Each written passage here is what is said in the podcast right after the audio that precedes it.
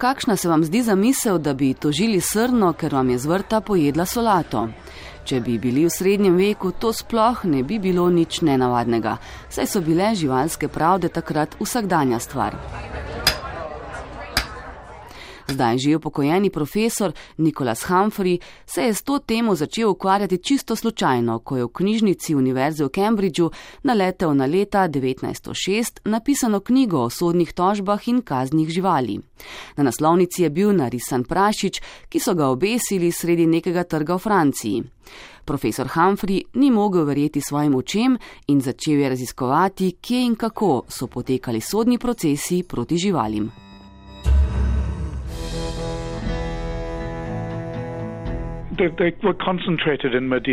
Največ jih je bilo v srednjeveški Evropi. Začeli so se približno v 11. stoletju in se v velikem številu nadaljevali vse do 19. Največ jih je bilo v 13., 14. in 15. stoletju. Presenetljivo jih je bilo zelo malo v Veliki Britaniji. Iskal sem kak podatek za Slovenijo, ampak nisem ničesar odkril. Največ procesov povezanih z obtožbami živali pa je bilo v Franciji, Nemčiji, Švici in Italiji. Da so ljudje takrat na živali gledali podobno kot na ljudi, nakazuje kar nekaj ohranjenih slik, na katerih je videti prašiče ali druge živali oblečene v človeška oblačila s človeško masko na obrazu. A naš sogovornik meni, da ni šlo za to. Well, I think um, they were put on trial because a crime had been committed. Mislim, da so živalim sodili zaradi kakega zločina. S tem se je proces vedno začel. Recimo nekaj primerov. Prašič je pojedel otroka. Vaški pridelek so uničili leteči insekti ali pa so podgane mlinarju požrle moko. V vsakem primeru se je začelo, ko je bilo kaj narobe. Ljudje pa so želeli najti krivca, želeli so, da bi bil za te dogodke nekdo kriv. Živali so bile v omenjenih primerih povzročiteljice in zato so sodili njim. Ni pomembno, kako so ljudje dojemali živali, kot bitja, ki imajo zavest in dušo ali ne. Menim, da ni šlo za to, saj so znani tudi primeri sojen predmetom. Ta praksa sega še dlje v zgodovino, v klasično Grčijo. Odkril sem, da so sodili kolesu, češ da je zbežalo in ubilo nekoga na ulici. Ali pa meču, ker je nekoga ubil. Zato nisem prepričan, da so z živalmi ravnali tako kot z ljudmi. Ravnali so kot s povzročitelji nečesa, kar se je zgodilo. Menim, da je bil namen teh procesov zagotoviti ljudem zaključek česa nepojasnjenega. Ko se je zgodilo nekaj, kar je bilo grozljivo, nepričakovano in so ljudje trpeli, so želeli, da bi bil nekdo za to kriv. Sojenje živali na sodišču pa je bilo zelo učinkovito sredstvo, ki je pomagalo, da so določen primer pripeljali do konca. Ugotovitve, da je prašič res ubil otroka, da so muhe nadloga v vasi oziroma karkoli je že lahko bilo.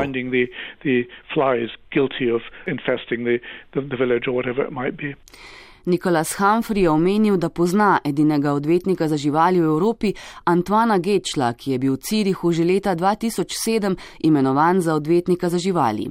Prav v Švici so imeli pred tremi leti referendum o odvetniku za živali, ki naj bi med drugim zastopal zlorabljene živali v kazenskem postopku. Pobudo je vložilo švicarsko društvo za zaščito živali, velika večina švicarjev pa je bila na referendumu proti. Thank you. Please be seated.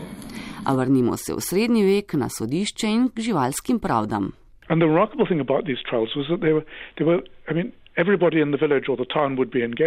Presenetljivo pri teh procesih je, da so pri njih sodelovali vsi v vasi ali v mestu. Sodni uradnik je žival pripeljal na sodišče. Nekatere podgane ali prašiče so imeli dotlej celo v zaporu, Na sodišču so bili tako doživci kot zagovorniki, odvetniki živali. Ti so bili plačani iz javne blagajne. Včasih so živali zastopali zelo dragi odvetniki, ki so prišli na jug države tudi vse iz Pariza, da so zagovarjali podgano. Veliko odvetnikov je po teh procesih postalo slavnih, saj so bili to procesi, v katerih so lahko pokazali znanje in uporabili spretnost dokazovanja in arguing the case.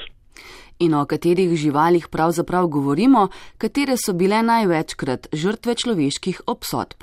Well, almost anything you can think of. I mean, it was birds would be would be prosecuted, for example. Pravzaprav vse, kar se jih lahko spomnite, recimo ptice.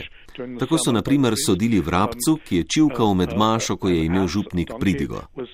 Osel je bil obtožen, da je spolno občeval žensko, ta je namreč rodila otroka, ki naj bi bil podoben oslu. Sodili so kobilicam in divjadi, da so uničile pridelek. Seveda so se procesi razlikovali glede na žival. Če je šlo denimo za pujsa ali osla, so žival pripeljali na sodišče. Če pa je šlo za kobilice, pa na sodišče niso mogli pripeljati cele populacije in vseh vrst. Zato so prinesli eno samo kobilico in ta je potem morala zastopati vse svoje tovarišice.